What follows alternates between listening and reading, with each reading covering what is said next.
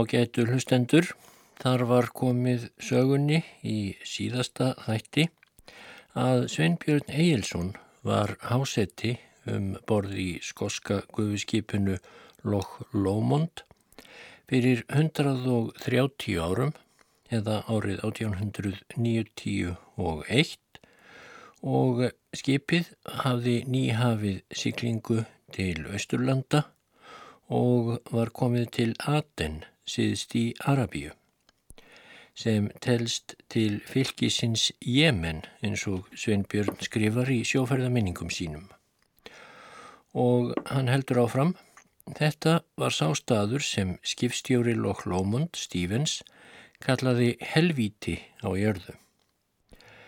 Fjöldi skipa voru á höfninni og lágu fyrir akkerum, voru flest guðuskip, en arabískir farkostir voru þar einnig sem siglt er með ströndum fram og um Rauðahafið.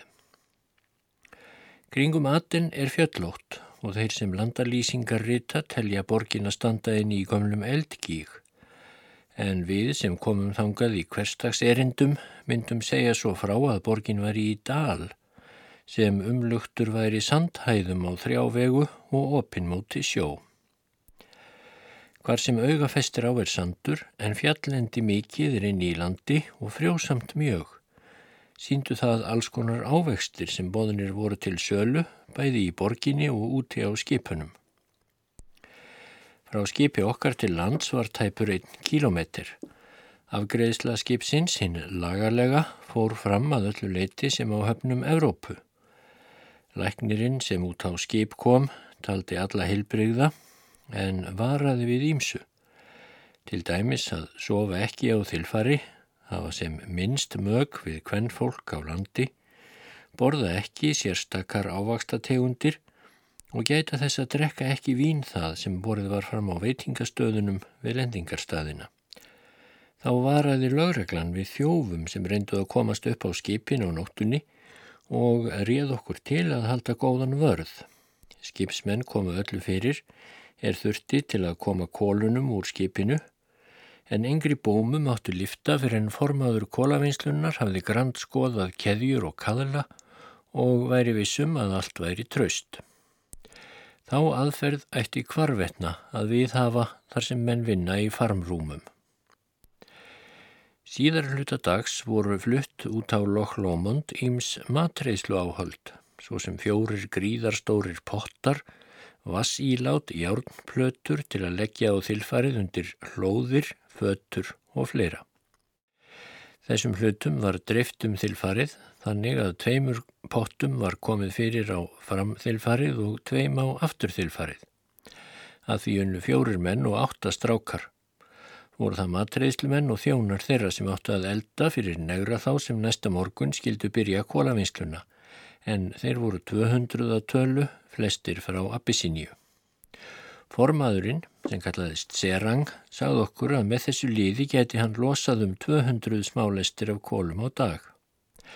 Í land áttu að fara 3000 smálestir, voru við því dæmdir til að vera hér í 15 daga og var svo tilhugsun miður skemmtileg. Um kvöldið var gengið svo frá legufærum að óhætt væri þótt kvesti en við því mátti búast á þessum stað þótt ofviðri séu sjaldkef og regn fellur þar svo að segja aldrei. Margir bátar voru á sveimi á hefninni þar til dimmatók og skipun kom frá skipstjóru um að hleypa engum upp á skipið eftir vinnu og stýrimenn útskýrðu fyrir vökumanni hvers helst værið að gæta aðfendu honum hlaðuna skambissu og menn voru látnir aðtóa hvort nokkur kaðall lefði útbyrðis en þrátt verið þessar rástafanir til að enginn kæmist upp á skipið, leku arabar sér að því að klifra upp hlýðar þess, sæju þeir sér færi. Aðferðin var þessi. Á langa bambustöng var festur jórnkrókur vel gleiður og við krókin, þar sem hann var bundin við stöngina, var sterkum kaðli fest. Þegar bátur lagðist að skipslið, var króknum lift upp með stönginni þar til hann greip yfir hástökk eða annað sem hann festist á var þá greipið til kaðalsins og fóru arabar upp eftir honum sem besti stíi væri. Það var örðugasta verk vökumanns að vera á sífældu röldi frá stefni til skuds og geta þess að engum krók væri fest. Þegar þar við bættist að svarta myrkur er, sé ekki tungla á lofti og jáfnvel þótt svo að sé, þá nota svertingjar tækifæri ef það gefst því þeir eru hugaður vel og ágengir. En af hverju þessi áfergja þeirra stafaði að leytast við að komast upp á skip á nóttunni fekk ég aldrei skilið. Sökum þess að á skipum, þar sem reglusemi er, eru hlutir ekki hafður á þilfari, heldur allt á sínum stað niðri í skipinu, en liggi eitthvað á þilfarinu er það oftast þungir hlutir sem þeir ráð ekki við. Þann tíma sem við vorum í aðden kvarf ekkert frá skipinu, en þó komist menn upp nokkrum sinnum og nokkrum krókum náðum við, því vökumadur rak ávalt upp öskur þegar hann varð var við krókinn. Vöknuðu þá flestir því létt var sofið í hittanum á svækjunni. Og allir þustu út að borstoknum og kom þá fyrir að þjóvar urðu of seinir að ná króknum þaðan sem hann hafði bitið sig fastan. Svo var tógast á og bölvað á skosku, ensku og arabísku. Við slíkan gauragangu vöknuðu yfirmenn og farþegarnir oft en snýru sér aðeins í rúmunum og hrósuðu í huganum henni diggu skipshöfn sem djöflaðist á þilfarinu miklu meira reyndar en þörf var á. Bátsmaðurinn let okkur vita að við myndum vart svo snarir í hreyfingum ef við ættum að rýfa stóra mersegl og kallaði þessa spretti okkar á nóttunni Kangaroo Walls, suitable for lunatics. Klukkan hálf sex hinn fyrsta morgun er svertingjar skildu vinna í kólunum hafði hver sína skoblu og tók verkstjórin móti hópnum er þeir komu yfir borðstokkin og bendið þeim hvert þeir skildu fara til vinnunar.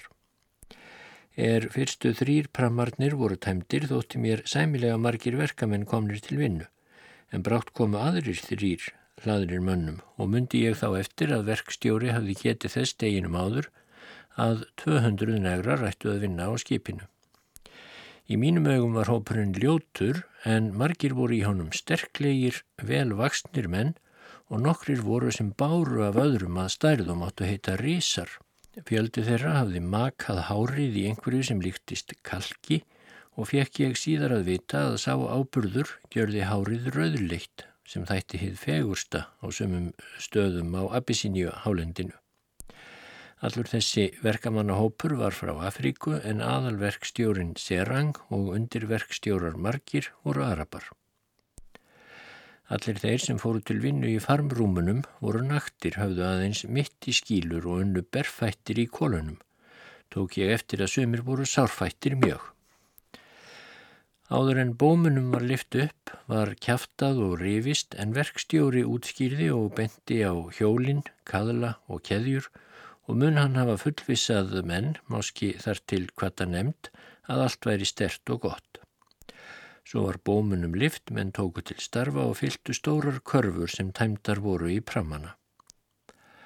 Er vinnan var byrjuð, tóku matreyslumenn og þjónar þeirra til starfa, kveiktu upp eld undir hinnum stóru pottum, letu í þá vatn og hrísgrjón og aðrar grjónategundir, strákarnir rældu í, en matreyslumennirnir voru mjög alvarlegir, rétt eins og þeir væri að finna upp nýjan rétt.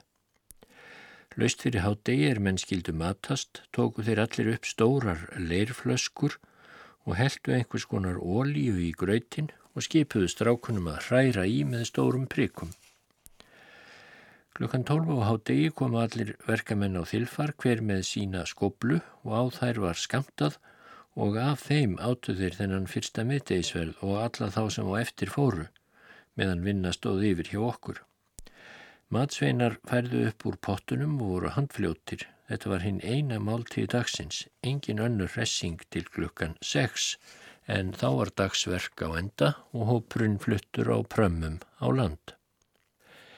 Hittinn var afskaplegur og vindkviður sem komu frá fjöllunum sem við að vísu sáum ekki en vissum af færðu með sér ilm en voru heitar mjög og hrest okkur ekki neitt.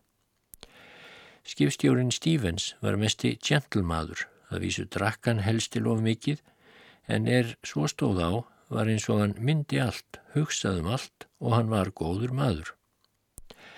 Dægin eftir að kólavinna byrjaði kom hann úr landi snemma dags og hafði með sér svertingja sex að tölu áttu tveir þeirra að létta undir með kindurum skipsins og vinna við gufukallana en hinnir fjórir voru ræðarar á bátans sem brátt átt að fara á flott.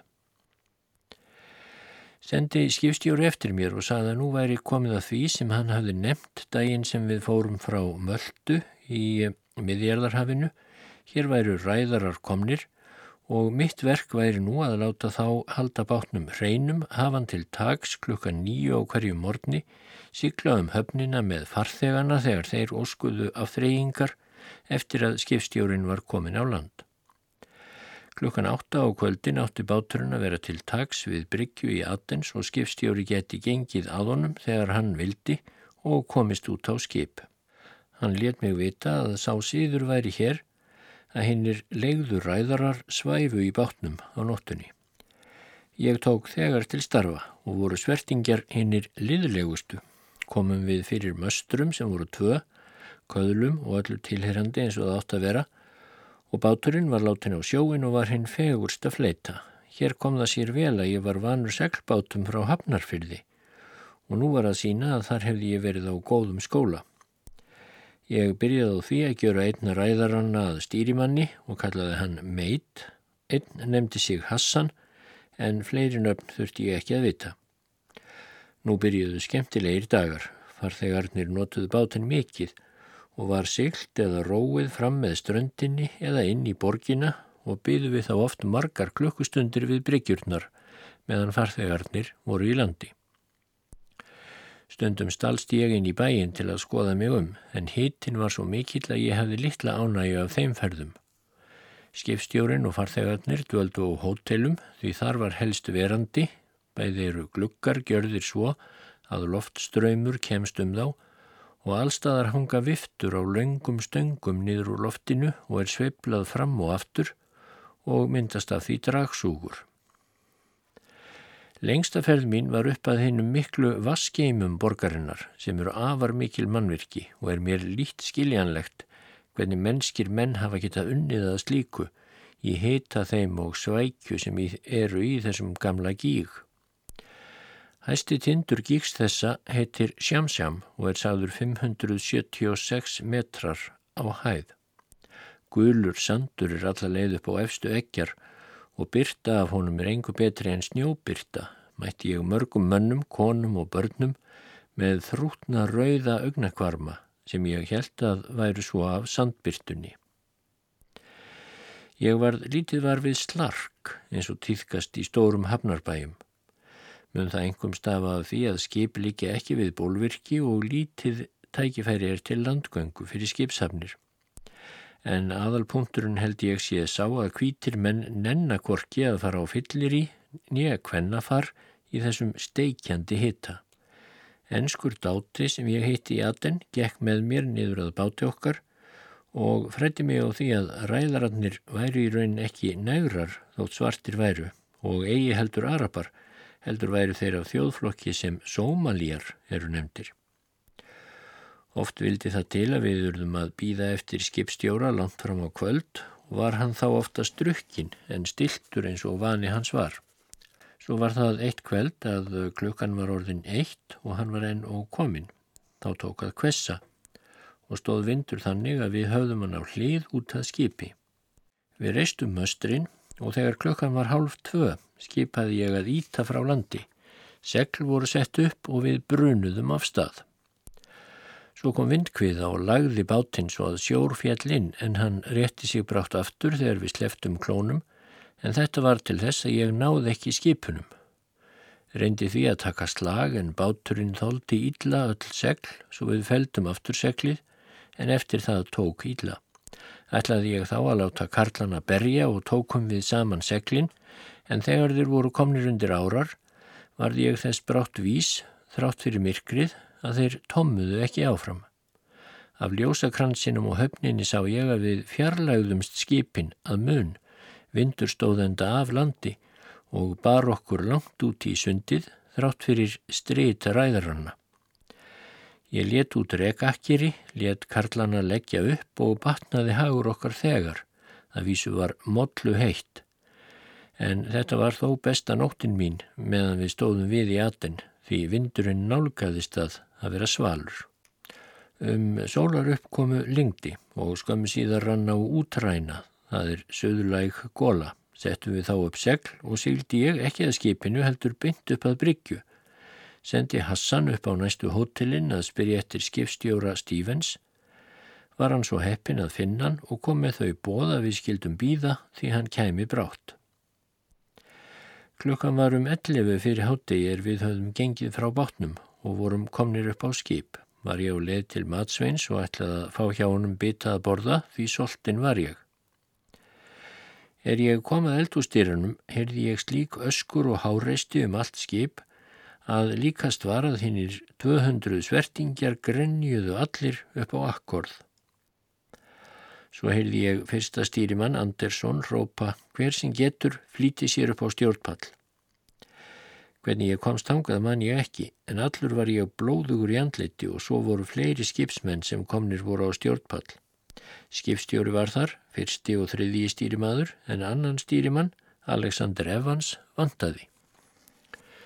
Merkjaflögin sem þýða upp þótt á skipinu voru dregin upp, hurðir á stjórnpalli lokaðar og yfirmenn höfðu allir skambissur. Á þilfarinu djöfluðustu verkamennirnir og verkstjórin var engu betri en hinnir var það ljót sjón að sjá þessa beru skrokka stíga þann dans sem hefði djöfullin sjálfur leikt þilfarið á Loch Lomond svo undirmenn hans gætu ofinberlega sínti list sína.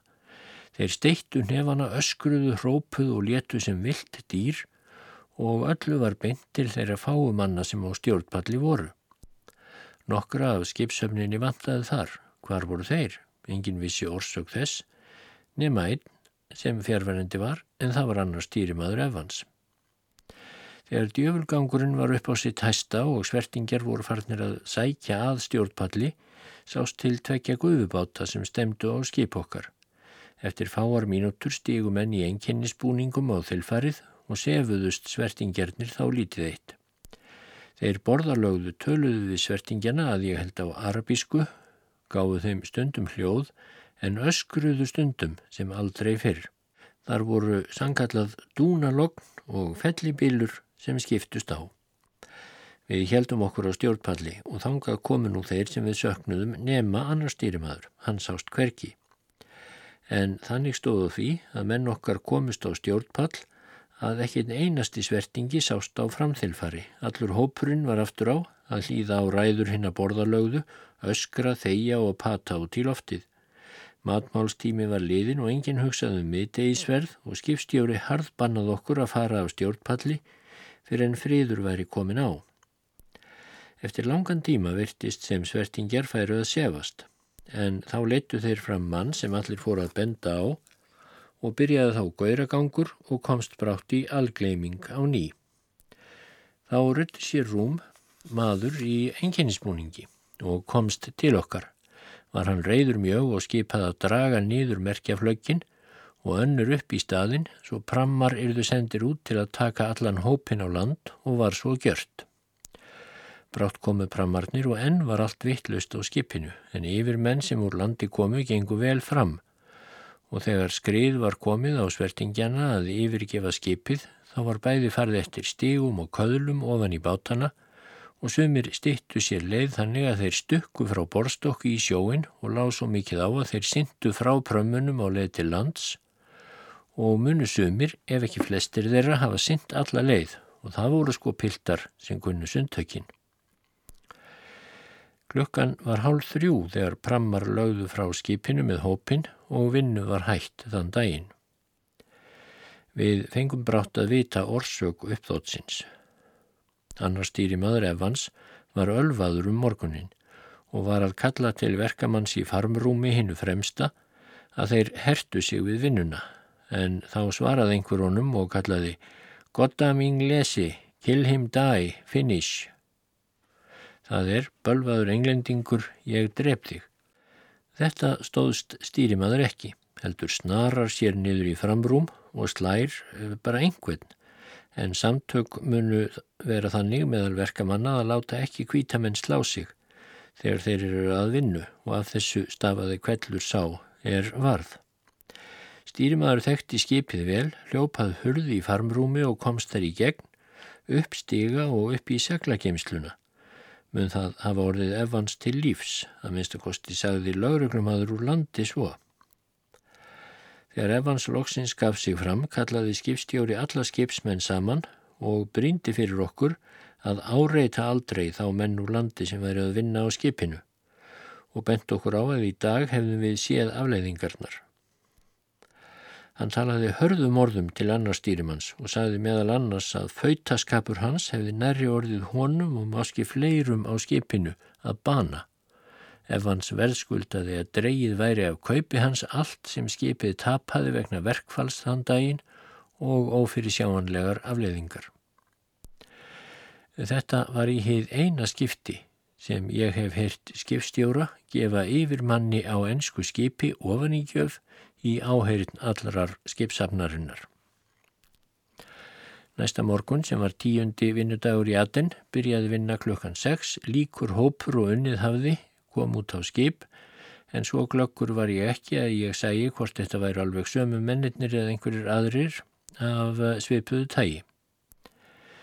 Skipstjóri réð öðrum stýrimanni að láta sem minnst bera á sér á þilfari meðan menn væru að vinna á daginn og gjörði fjárvera hans korki til nýja frá því svo má heita að skipsmenn hefðu ekkert fyrir stafni. Egi var auðið að vinna á stillönsum og berja rið af skipslíðum, hinn brennandi sól bannaði það. Þið sama þurfti að gjöra víða á skipinu og voru sumir að dönda við það, en það var aðeins til málamynda, svo hásettarnir stæði ekki með hendur í vössum allan daginn. Félagar mínir þrýr sem stýrðu áttu að halda stjórnpalli hreinum og ég einnig þegar ég var ekki í bátnum að flytja farþega en þar var ég reyndar oftast.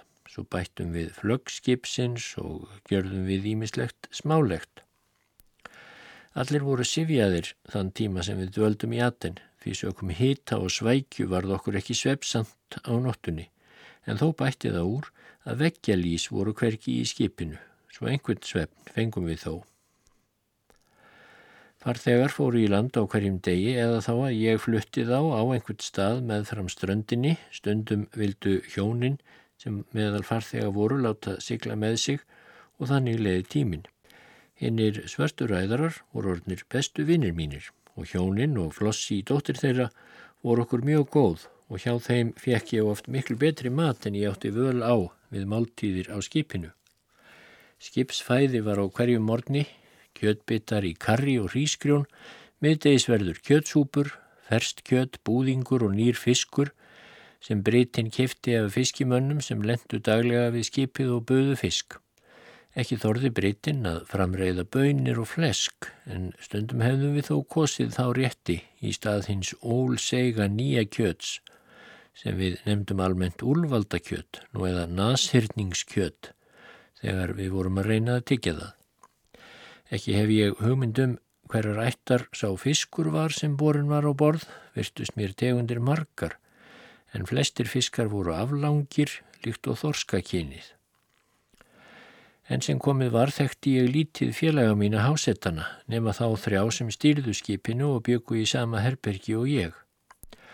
Þó voru tveir frammi sem allir á skipinu þekktu, var annar buntingamli sem hafði predikað nokkrum sinnum Guðsorð á leiðinni en hinn var lampamaður sem hornhétt og var alveg fyrirtags tenorsöngvari. Herði ég síðar til hans á skemmtisamkomi í Dundee um nýjárið og undraðist mjög hvað vel hann söng þegar leikið var undir á hljóðfæri. En hinn 2003. oktober fluttum við skipstjóra og farþega á land og var okkur sagt að býða við Bryggju. Skömmu síðar komi hjóninn Flossi og Svertingi sem bar stóra körfu sem við tókum út í bátinn og er hjónin voru sest báðu þau mig að flytja sig söður á tangan sem skagar út frá Djebel Hassan sem er siðst á gígröndinni og lokar höfninni í Aten að vestan. Segl voru sett upp og lendum við brátt í lítilli vík og stígu hjónin og dóttirinn þar á land, skipuðu einum ræðaranum að fylgja sér eftir með körfuna síðan hurfu þau. Eftir rúman klukkutíma kom sá svarti með körfuna og var mikið niðri fyrir og sagði Sahib, place belong, take him go, make ye dinner, the same for, plenty eat. Það er, herran saði mér að fara burt með körfuna og við fjórir ættum að borða það sem við vildum úr henni. Ég reyti mig á að hann segði satt og rétt frá og tókum við þegar að snæða hinn ljúfengasta hótelmat. Síðan fekk ég mér í pípu, sagði köllunum að leggja sig og beigð eftir farþegunum. Þegar hjónin komu loks með dóttur sína, vakti ég kallana og nú vildu hjónin fara aftur í bæin og sagði eigin maðurinn mér að þau ætlaði að gista á landi þá nótt sem myndi verða þeirra síðasta í Arabíu. Er við höfðum sett au á land, fórum við út á skip og stóð það heima að negrarnir voru þá að hætta vinnu og reyðjast ofan í prammana og var hópurinn ófrínilegur mjög eftir vinnuna. Ég kendi brjóstum þá og skildi vel að líðan þeirra myndi ekki góð. Eina lélega máltíð fengu þeir á dag. Vinnan var 11 stundir, blóðurísa voru fættur þeirra flestra að þeir gengu berfættir í kólunum Og hvað fengu þeir svo í aðra hönd? Mér var sagt að dagskaupið væri ein króna, 35 öyrar. Ekki veit ég hvort það var rétt en trúði því þó vel eftir öðrum vinnutaksta að dæma sem ég heyrði getið á þessum slóðum. Frá skipinu fengu þeir ekkert og urðu að sjá sér sjálfur fyrir hverjum dropa af vatni sem flutt var til þeirra frá landi bæði til matar og drikjar. Eftir strít dagsins var svo farið á land þar sem ekkert bar fyrir augu annað en sandur hvert sem litið var og svo stór og smá hús, ferkantaðir kassar, líkir að lit og sandurinn og fæst af húsunum mun hafa verið heimili þessara manna, heldur mætti giska á að flestir þeirra svæfu undir berum himni. Hita eru þeir vissulega vanir, en þó mun heimkynni þeirra á Abyssiníu hálendinu, handan Rauðahafsins, vera paradís með að við svækju þá sem inni lukt er í hennum gamla gíg við aten. Engan verkamannanna sá ég brosa allan þann tíma sem ég var meðal þeirra og dregi ég af því að hver þeirra hafi haft sína sorg og þungu byrði að bera. Hinn 24. oktober komu verkamenn að vanda til vinnu klukkan 6 fyrir hátegi og unnu til klukkan að verða 12. Þá hefðu þeir tæmt skipið af gólum og er síðasta karvan var dreyin upp, rópaði allur hópurinn í senn, líklega hurra eða eitthvað í þá áttina. Svo voru öll áhöld látin í prammana, pottar, hjálpblötur, hlóðir, skoblur og margt fleira og aðrir prammar komu til að flytja hópin á land en þunn skipað var í þeim þegar þeir lögðu frá skipinu því flestir hlupu fyrir borð og syndu í land. En ég vildi óska að kunningjar mínir heima hefðu verið komnir til að sjá hvernig þeir geta synd íbúar þessara landa sem okkur vil verða á að gera lítið úr í huga okkar.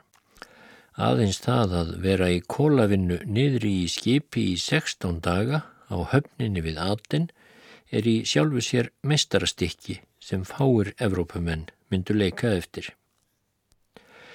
Þegar verkamenn voru farnir var þegar byrjað að ræsta skipið sem var vegna kólaríks í hörmulegu ástandi. Á hádegi var matast, klukkan tvö eftir hádegi lögðum við á stað, suður á bóin og unnum af kappi fram í rauða myrkur, þóttu lögardagur væri og síður að hætta klukkan eitt. Við vorum slopnir úr prísund, vorum allir gladir yfir lausninni og hertum okkur að þrýfa skipið eftir því sem dagspyrta lefði en marga daga var það vinna þanga til hið fallega skip Loch Lomond var í því standi sem því og skipshöfn þeirra sæmdi. Stefnan var sett milli kvarta fý höfða eða Ras Asir í Afríku og Kalanahafn höfða á henni fögru eigu Sókótru. Um kvöldið var alstyrndur himinn. Það var eitt af þeim indælu kvöldum brunabeltisins sem verða okkur Norðurlanda búum ætíð ógleimanleg. Í hyrslu minni átti ég almanak sem ég tók með mér að heiman og fór að blada í því eftir kvöldverð. Sá ég að laugardagurinn 24. oktober var fyrsti vetrardagur heima, máski komin snjór og kuldi.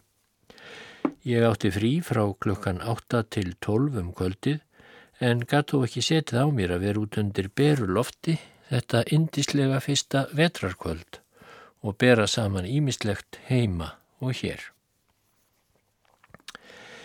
Ég átt að stýra frá miðnætti til klukkan tvö sem ég gerði og var allan tíman að hugsa um það sem fyrir mig hafi borið síðustu vikurnar. Það fólk sem ég sá í Port Said var, ef öllu er á botnin kvöld, yðnara en nokkuð fólk sem á vegi mínum hafði orðið fram að því. Engan sá ég þar vinnulöysan og ég var að velta fyrir mér í huganum hvernig bæta mætti ímislegt á Íslandi ef landar mínir síndu aðra eins ástundun og vinnusemi og legðu fram einsmikla vinnu og íbúarnir í Port Said. Yðnin heima hefði haft áhrif á rektun landsins og fiskveðar ef engum tíma væri sleft að óþörfu. En hversu mikil tími fór ekki forgörðum heima á Íslandi, heilu dagarnir og jafnvel vikurnar við að standa í búðum og annað slór Í Port Said sleftist enginn, jáfnveg lillu börnin sem bara nýfarin voru að ganga, réttu fram höndina þegar framandi maður varð á vegi þeirra og sögðu bakþís, það er ölmusa. Þau voru sem sagt þegar farin að vinna sér inn peninga. Kaupmenn, þjónar þeirra og annað veslunar lið var alltaf á erli. Þeir sem enga fasta vinnu höfðu fundana bara upp, heiðarlega en nú eða óheiðarlega, eitthvað að gjöra Það var aðalatriðið. Þá mun hvern fólkið ekki eða tímanum að óþörfu, allt frá henni heilvirðu húsmóður að göttustelpunni sem stundar sitt starfa af áhuga og sérstakri list. Það er þessi staka yðni sem er framandi manninum frá Evrópu alltaf því ógæðslegu og óviðfeldin. Hann er kvarvetna í vegi og til fyrirstöðu og er þess vegna ávarpaður af öllu þessu businessfólki og honum bóðið gegn greiðslu það sem á bóðstólum er, hvað sem það kann að vera. Um þetta var ég að hugsa og þessu var ég þá tvo tíma sem ég stýrði og að velta fyrir mér og vona að það nextli engan getur vel verið að heilin hafi verið hálf bráðinn eftir hitan í atin. Sunnudaginn 20. og 5. oktober var blíðviðri og hiti en ekki nálætti eins mikill og undanfarnar tvær vikur. Klukkan áttu um morgunin fór ég að stýri, sólsegl var komið á sinn stað yfir stjórnpall og bátaþilfar og allt var nú orðið fágað og hreint. Skipstjóri og farþegar komið þangað um klukkan nýju og spjalluðu saman. Allir áttu frí, fríður og ró kvíldi yfir öllu og engin átti vona á að nokkuð nýstarlegt bæri að höndum. Ég fór að taka eftir því að farþegar og yfirmenn hafði ekki augun af einhverju á framþilfari sem ég sá ekki frá þeim stað þar sem ég stóð. Svo heyri ég að skipstjóri kallar á einhvern og skipar honum að koma upp á pall. Þá sem uppkom var Jenkins brunaliðsmaður, ný rakaður og ekki sem verst búinn með pípuhattin frá Port Said á höfðinu en hann hafði málaðan með sama gula lit og hafður var á reikháfinn. Farþegar hlóðu dátt þegar hinn stórvaksni brunaliðsmaður stóð frammi fyrir Stevens sem var hinn alvarlegasti og sagði hvers konar höfuðfatt er þetta? Jenkins hvað þetta vera sunnudagahatsinn sem hann hefði málað og kosið reikháfslit lokklínunar. Stevens leta hann þá skilja að hann kynni ítla við að skipsmenn væru í karnevalsbúningi á helgum sabbatstögum Því hér sem í öðrum skoskum skipum ætti allt grín ítla við á helgidögum. Jenkins spurðan þá hvort sér væri fyrirbóðið með öllu að nota þennan gula hatt. Þá mælti Stevens, ég hef gefið þér bendingu, farðu svo. Jenkins var að ganga um skipið með hattin á höfðinu fram eftir deginum eins og ekkert hefði ískorist en þá kom fyrsti stýrimaður og vörð og varð var við brunalismannin með gulan pípuhatt vakkandi um þilfarið og allar reyfingar hans eins og lögreglu þjóðn væri á ferð. Fyrsti stýrimaður Andersson var ekki sá sem færið að bjóða honum á stjórnpall heldur þaut hann niður á þilfar, beint til Jenkins og ávarpaðan þannig Throw that funnel of yours overboard, you lazy good for nothing son of a halibut. Það er flegðu hattinum útbyrðis letingi til einskís nýtur lúðusonur. Jenkins tók þessu öllu ofur rólega. Hann horfi beint framann í stýrimann og spurði hvað hatturinn hefði gjört honum. Þetta var í spari hatturinn sinn sem hann ætlaði að eiga, þá gæti hann ditti í sundur af fúa. Andersson stýrimaður var reyður mjög en að líkindum hefur hann ekki þótt hinn stóri maður áreinilegur því ekki slóan hann. Þegar hann snýri sér viðmæltan gættu þess að okkur lendi ekki oftar saman. Verði það er öðrum okkar ofaukið á þessu skipi Svo lappaði hann upp á stjórnpall en Jenkins tók ekki ofan pípuhattin fyrir hann fór að hátta. Klukkan 6, mándagsmorgunin 27. oktober fórum við fram hjá Guardafíhöfða og þá byrjaði aðal ræsting skipsins. Stórar vasklöngur voru leittar í framrúm og þau hreinsuðu rækilega og þvegin og var verið að því í tvo daga, síðan byrjaði þvottur á þilfari og við sem stýrðum skiptumst áum að hjálpa til við ræstinguna. Það var komið fram á förstu dag þegar hreinsun var að fullu lokið. Voru við þá í nýjöndu gráðu sundinu millir Lakkadíf og Maldífa eiga, millir Tjera og Kalpíni eiga og var stefnun sett á Kolombo á Seilun. Laugardaginn Klukkan fjögur eftir hátti fórum við fram hjá Komorinhöfða í Dekan og snemma morguns, sunnudaginn 1. november, var akkeri varpað á höfninni við Kolombo. Fagurt var að koma í land, en þó draga hinn háutrí og mikli gróður á seilun úr útsýni, jáfnvel svo að sömur hlutar borgarinnar hverfa frá höfninni séð. Egi vorum við fyrirlagstir að en fjöldi báta komu að skipslið. Menn voru komnir á þilfar að bjóða fram ímsan varning og ávexti. Sumir gengu fyrir skipstjóra og sóttum leifi til að halda basar. En það hvaðst Stevens ekki myndu leifa fyrir ná heimleiðinni. Á höfninni í Kolombo lágum við í tvo daga og tókum á móti T-sendingu sem þar átti til Kalkúta. Við Maklíút, félagi minn, fengum leifi til að fara á land síðar hluta sunnudags og örðum forviða er við sáum hinnar breyðu fagru göttur, gömul stórhísi og nýtísku byggingar, einnig heið snirtilega og laglega fólk almennt. Því syngalesar á seilun eru spengilegir og bera sig vel. Þrátt fyrir okkar helgidag voru þar allir önnum kapnir eftir því sem við komumst lengra inn í borgina þótt okkur æfegura en skrítnast tótt okkur að ávalt komið fram nýjir og nýjir borgarhlutar sem ekki sáust vegna gróðurs fyrir en komið var að þeim. Við rötuðum ekkert og vorum eftir klukkustundar ráf vissir um að við myndum ekki rata aftur að höfninni og fórum þá að taka eftir þeim sem urðu á vegi okkar ef skekinni að einhver þeirra byði sig fram að fyrrabræði að leiðbein okkur. En hér var allt öðruvísi en í Port Said, þar stóð ekki á neinu korki lóðsum nýja öðru.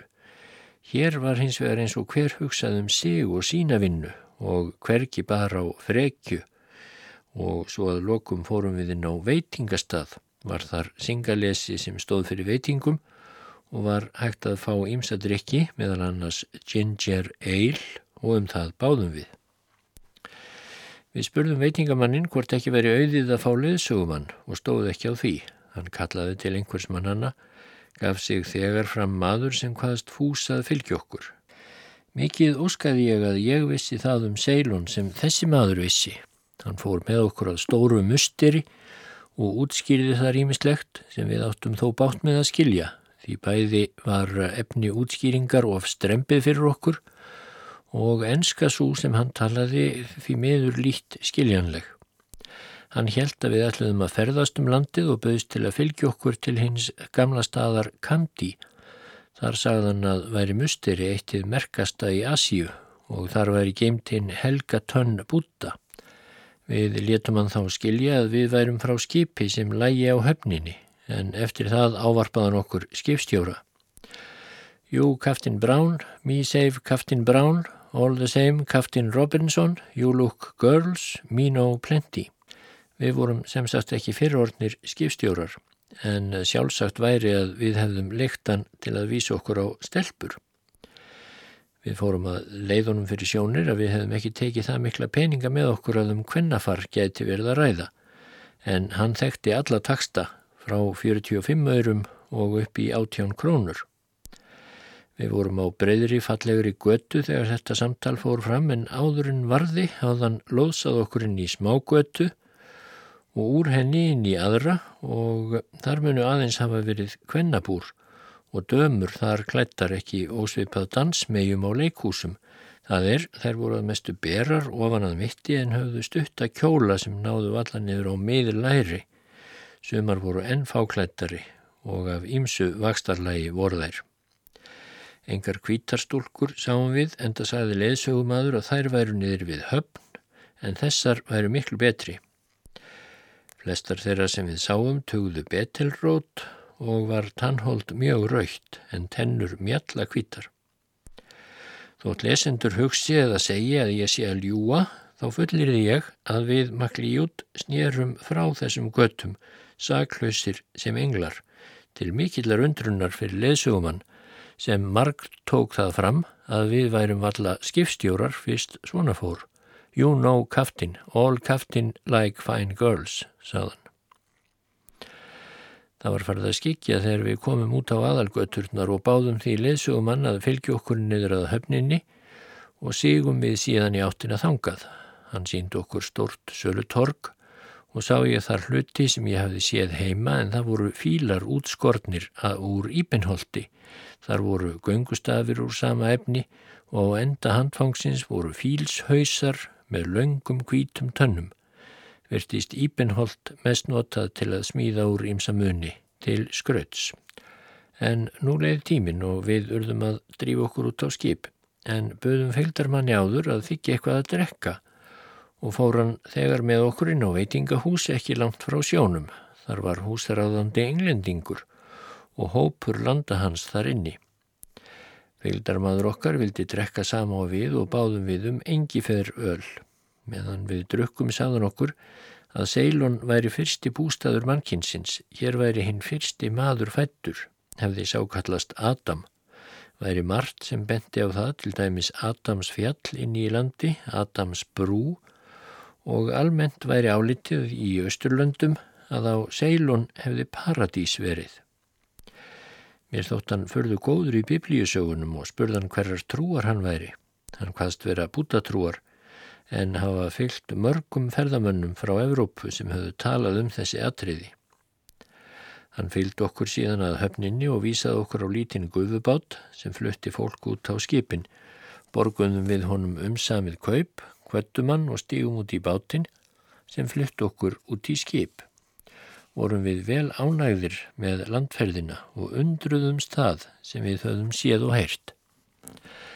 Næsta dag var unnið til kvölds og var þá tegið komið í skipið og við brátt ferðbúnir en svo sirti að og tók að kvessa úr söðvestri með helli rigningu. Hafðum við ekki fengið drópár lofti síðan við vorum á Rauðahafinu svo allir urðu regninu fegnir. Við þöndum út segl og söfnum vatni í stampa sem síðan var látið renna í vasshilkin á skipsbotni. Var það betra til drikjar en hefði dýra vatn sem við höfðum neðist til að kaupa í atin. Klukkanum eitt stýtti regnið upp og byrti í lofti var þá lagt að stað og haldið söður með strand Ceylon í áttina til Pontugal sem er 60 sjómílum sunnar en Colombo. Nóttin var hinn indislegasta og hægur andvari bar með sér ilm af landinu en ekki sáum við til þess það greinilega að við getum aðgreint hluti. En um klukkan 6 fór aftur að byrta og fáum mínutum síðar kom sólin upp og þá gaf að líta þá dyrð sem enginn sem sér getur glind. Svo langt sem augað eigði var allt skrúð grænt og eigin smá hækkaði og fjallið Petrótallagalla gnæfiði til himins. Við hásettar vorum að tala um alla þá dýrð sem fyrir augun bar og vorum samála um að Ceylon hliti að vera fegurst í staður á jörðinni og líklega væri það rétt að hér hefði paradís verið.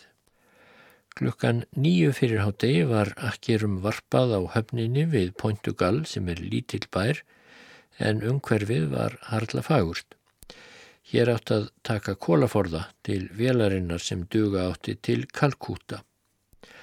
Eins og í Kolumbó kom sægur af mönnum út á skip sem vildu versla með líkan varning og menn buðu þar, en fólk það virtist blandaðra en það sem við höfum áður séð.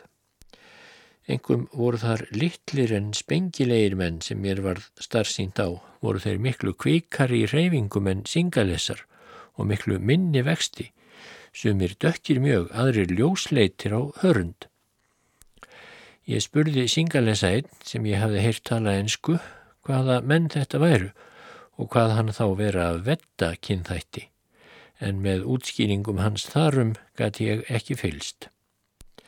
Einnig var fjöldi Malaja og þilfari og margir þeirra í kólavinnunni.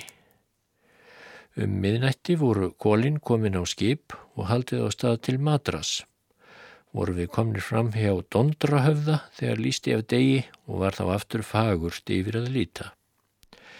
Petro Talagalla og Adamstindurinn rísu upp úr skóginum á Ceylon sem var frá okkur að sjá eins og græn ábreyða hvar sem til sást og hér var allt gjör ólíkt því sem fyrir augun bar við atin.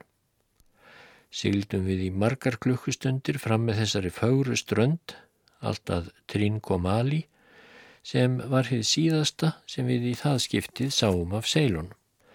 Síðari hlutadags hinn 7. oktober vörpuðum við svo akkerum á höfninni við Madras á Einlandi eða öllu heldur við hann hluta borgarinnar sem Blacktown nefnist svarti bærin er það norður hluti hennar fellur lítil á þar til sjávar sem Kúvam heitir og við minni hennar er virkið St. George.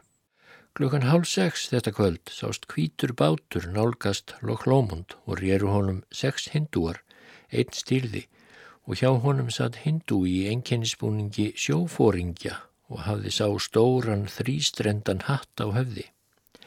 Fyrsti stýrimaður sem lengi hafði verið á innlandsferðum og oft komið til Madras vissi hver hér var á ferð og let þegar leipa niður stóra steganum og við hann lendi báturinn. Einhvern veginn barst svo fregnum allt skipið að aðmírállin væri að koma og var því öll skipshöfna og þilfari þegar hann kom upp stegan þessi maður og steg á skip. Skipstjóri Stevens var reyndar niður í káetu og sömuleiðis farþegar. Var hann þegar látin vita að aðmírállin væri komin og stóð ekki á honum að koma á þilfar og hilsa gesti. Og þessi svokallaði aðmíráll, hann var glættur slittnum enginnisbúningi og hafði fest á hann ímsu gildu skrauti, hann var girtur belti og við það hekk mikið sverð sem hann dró eftir þilfarinu. Eftir honum gekk berlæraður hindúi sem bar heljarstóran pappirstranga. Hvaða menn voru þetta?